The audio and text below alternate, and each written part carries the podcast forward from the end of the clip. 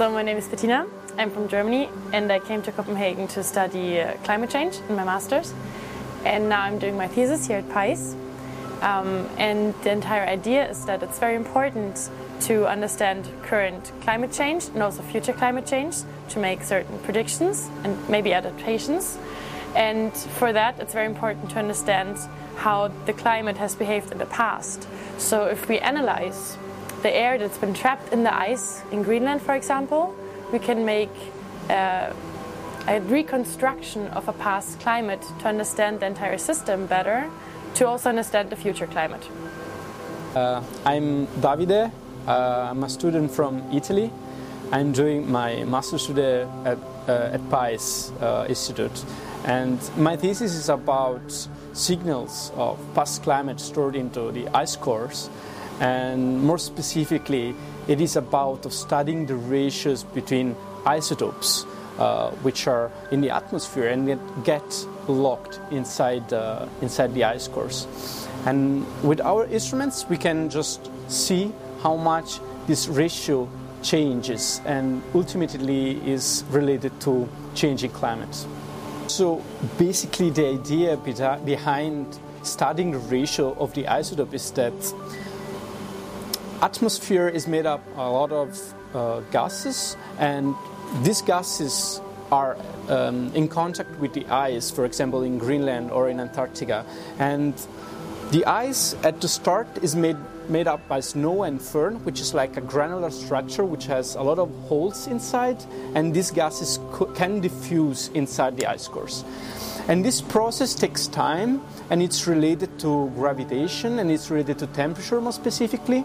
So basically, ha- have your isotopes settle differently in respect to lighter isotopes. And you can really study this difference, how this difference um, is related to the temperature of past climate, and so you can finally understand uh, how climate changed through time. Um, here we are measuring, for example, more specifically nitrogen and argon, but uh, me and my colleague Betina, we are interested in understanding if we can retrieve some information about the oxygen, which in our line is very difficult to, to understand. Oxygen, nitrogen, argon, and for example, also methane concentration are proxies for change in climate and are proxies for change in the biosphere. And you can really understand uh, and model climate by looking at this stuff. Hi there, I'm Josie. Um, I am a student here at the Niels Bohr Institute. I'm doing my master's thesis project at Physics of Ice and Climate.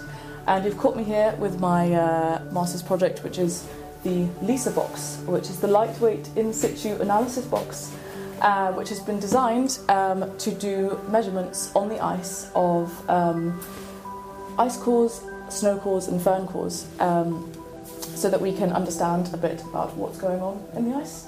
Um, the main purpose is to understand the accumulation rates, um, for example, in uh, Greenland.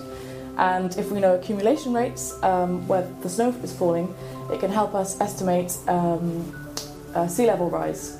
So, the kind of analysis that we're doing here is um, called CFA, which is continuous flow analysis which essentially works on the principle that we have some ice, which we put, which we will put in here, or snow or firn.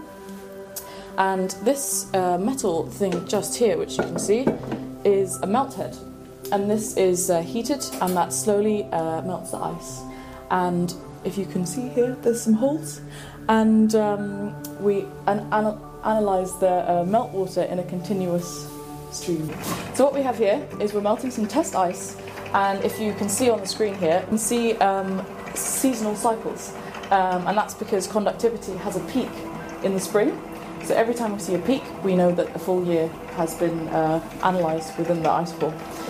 So, for example, if we've melted the top one metre and we can see three peaks in our graph, then we know that we've had three years in that top one metre of snow.